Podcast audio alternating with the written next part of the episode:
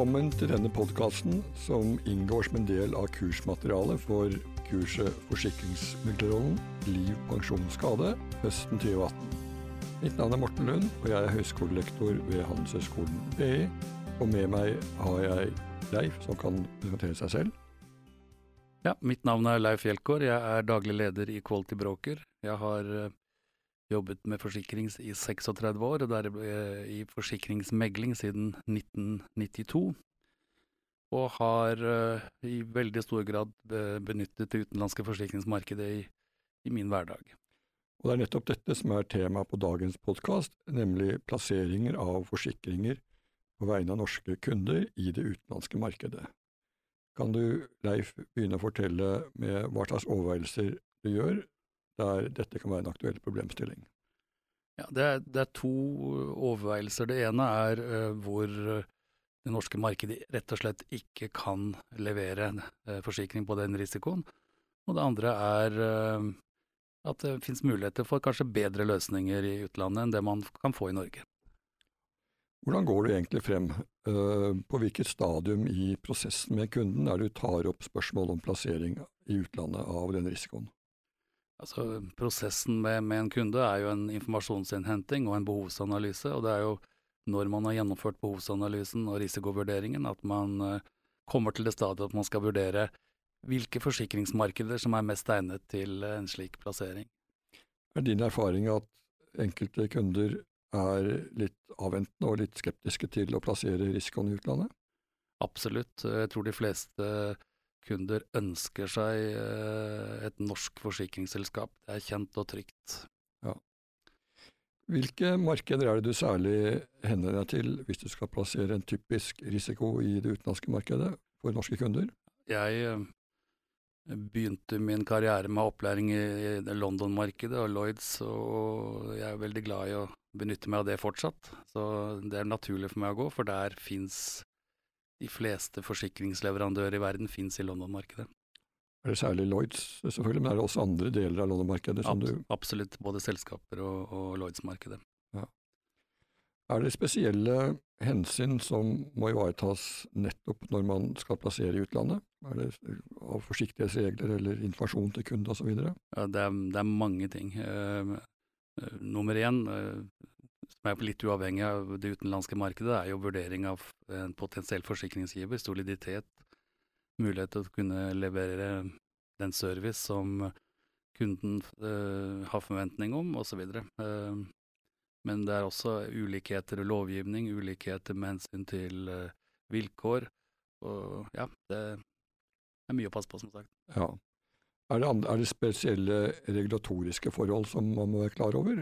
Har det noe med f.eks. med spørsmål om det er innenfor og utenfor EU, disse markedene? Ja, utgangspunktet vårt som meglere så har vi altså ikke lov til å plassere forsikring i selskaper utenfor EU. Eh, eh, med mindre det er spesielle risikoer. Men innenfor EU så, så, arbeider man altså innenfor de rammene som man også gjør i Norge i all hovedsak, er det slik? Det er riktig. Kan du forklare litt nærmere om prosessen, hvis man kan forutsette at det er Lloyds, da, for å ta et eksempel, du som er den aktuelle markedet å plassere forsikringer, hvordan går det egentlig frem? Du har avklart med kunden at uh, det skal gjøres, og så begynner du på selve plasseringsprosessen. Det spesielle med Lloyds, uh, og som Lloyds er alene om, det er at det kreves en Lloyds-broker for å komme til Lloyds-markedet. Man har altså ikke mulighet til å kontakte Lloyds direkte. Um, og da er det jo eh, et antall meglere i London som er uh, godkjent som Lloyds-brokere, og hvis man da, sånn som jeg gjennom mange år, så har man selvfølgelig noen faste forbindelser i London-markedet man bruker da. Og det er jo de man henvender seg til med en beskrivelse av risikoen, og ber de, gir de et oppdrag om å gå inn på Lloyds-markedet for å finne en mulig løsning. Innebærer dette at det blir dyrere for de norske kundene, at det nærmest blir vederlag til to meglere, eller er det slik at man deler det vederlaget man normalt ville fått alene? Ja, nå er det slik at uh, vi som uh, i Norge gjelder jo at man ikke har lov til å dele noe som helst. Så uh, det man gjør, er å avtale med, med London-megleren, Lloyd-språkeren, eh, hva slags honorar de skal ha for å gjøre sin jobb. Mm. Og så må vi fakturere vår kunde direkte med det honoraret vi skal ha for jobben. Akkurat. Så den fakturaen for Lloyds går direkte fra megleren til eh, den norske kunden, med andre ord? Eh, det gjør den. Eh, eller det varierer litt. Noen ganger så, så betaler kunden direkte til, til Lloyds broker. Eh, noen ganger så går det inn via en klientkonto hos, eh, hos oss. Aha. Når eh, forsikringen er plassert og avtale er inngått, og det oppstår da spørsmål om skader, dekning osv. i forsikringsperioden, er det norske meglers rolle annerledes da enn ved plasseringer i det norske markedet? Er det større grad av assistanse til eh, kunden enn det ellers er? Eh, jeg vil si det fordi altså en del av jobben før man plasserer, er jo å finne ut hvilken måte skadeoppgjøret skal skje på. Og veldig ofte så, så, anbefaler jo vi at det er uh, en norsk skaderegulerer involvert i uh, en, en sans, et sånt system. Um, men uh, vi som meglere må selvfølgelig passe på at dette her foregår på riktig måte. Ja. Det var Lloyds. Når det gjelder plasseringer i forsikringsselskaper som da ikke er en del av Lloyds, uh, i England eller andre europeiske land, er det samme prosessen, eller kan man da gå direkte til disse selskapene? Nei, Da kan man absolutt gå direkte, Eh, hvis man har kontaktpersoner og, og, og, og kjennskap om, om, disse selskapene. Um, og det er klart at uh, i mange tilfeller så, så, kan det være rimeligere å bruke selskapsmarkedet framfor Lloyds-markedet, fordi du har en Lloyds-broker imellom. Eh, som kjent så har jo forsikringsmeglere en plikt eh, til å veilede sine kunder, også om forskjeller mellom tilbud fra ulike forsikringsgivere. Vil du si at den veiledningsplikten er mer krevende når det gjelder plassering i det utenlandske markedet, fordi det kan være forskjellig bakgrunnssett og forskjellige tradisjoner om polisvilkår osv.? Um, det er annerledes. Om det er mer krevende, vil jeg ikke si, fordi, eh, hvis man kan det, men uh, det er annerledes. Uh, et eksempel fra London-markedet er at det ikke er automatisk fornyelse av forsikringer. Ja. Det betyr at mens man i Norge forventer at en forsikring automatisk blir fornyet, og man, man får nye betingelser presentert, så skjer det ingenting i London-markedet med mindre vi som meglere tar initiativ til en fornyelse. Og det er, det er et viktig moment å ha med seg. Hva er ditt råd hvis det er et, et mindre megler, norsk meglerforetak som så langt ikke har erfaring i, når det gjelder å plassere i utenlandske markedet, og de har en kunde som megleren ser at har et slikt behov, eller kan ha et slikt behov. Hvordan bør vedkommende megler gå frem da? Nå er det jo slik i, eh, i uh, vår verden at hvis man ikke har kompetanse på et område, så bør man uh, ikke begi seg uh, inn på det på egen hånd. du kan risikere å gå inn i flere fallgruber her. så mitt råd er jo da å alliere seg med noen som kan det. Kan du huske noen eksempler på at det har gått, enten fra din egen virksomhet eller kanskje fra andres, at det har gått riktig galt man har plassert forsikringer i utlandet? Um, eller hva er de typiske fallgruver, for å si det på den måten?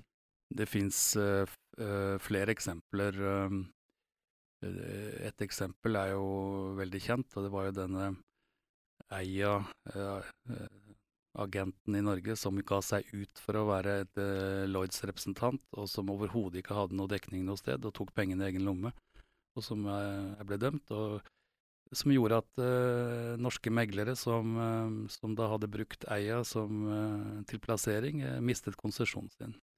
Det er et skrekkeksempel. Um, og helt spesielt, selvfølgelig. Men det, det, sier noe om altså at uh, det er ikke bare forsikringsselskapet man som megler må, må, passe på, det er også hvis det er eventuelle mellomledd, at disse er ekte og representerer det de skal. Uh, andre ting kan være um, hvor uh, vilkårene ikke er i henhold til det, den risikoen som, som du har bestilt eller at ved en konflikt så er det da typisk engelsk lovgivning som skal gjelde ved, ved, ved en tvist. Det, er en fallgruppe. Ja, og da vil det ikke bare engelsk lovgivning, kanskje også at det må gå til engelske domstoler. Det er riktig. Som kan være svært dyrt og svært uh, langvarige prosesser. Mm. Det er jo slik at, som, som du jo vet, at uh, selvsagt at det er innen sjø- og energiforsikring, eller marin energi, så er det jo svært vanlig å gå til de engelske markedene. Uh, selv om vi har store internasjonale aktører på forsikringsselskapssiden her også. Men er det andre dekningstyper hvor det er særlig aktuelt å gå til utlandet enn utenfor energi og marine? Jeg vil si at det, spesielt innenfor ansvar så er uh, kunnskapen, uh, underwritingen og kunnskapen vesentlig høyere i London-markedet enn det er i Norge. Um, og det, jeg har eksempler på kunder, også små kunder, som har gitt opp å få forsikring i Norge, og som er helt fortvilet, og som De som har kommet til meg, så har de fått hjelp i London-markedet. Går det særlig på størrelsen, altså på maksimumsbeløpene på dekning, eller går det på selve dekningen? Selve dekningen. Ja. Mm. Ja, har noen avsluttende råd til uh, studentene på dette kurset om plasseringer i utlandet? Ja, det er at uh, man skal uh, ikke hoppe på på egen hånd. Man skal Hvis man har kollegaer som har erfaring, så søk råd. Eh, det er vel det beste eh, til man har nok eh, kunnskap til å kunne gjøre dette på egen hånd. Da takker jeg for din tilstedeværelse og nyttige innføring her. Dette var jo bare ment for å være en innføring som kan gi studentene noe å tenke på, og så får de utvikle kunnskapene ut fra denne innføringen via andre prosesser. Takk skal du ha, Leif. Takk selv.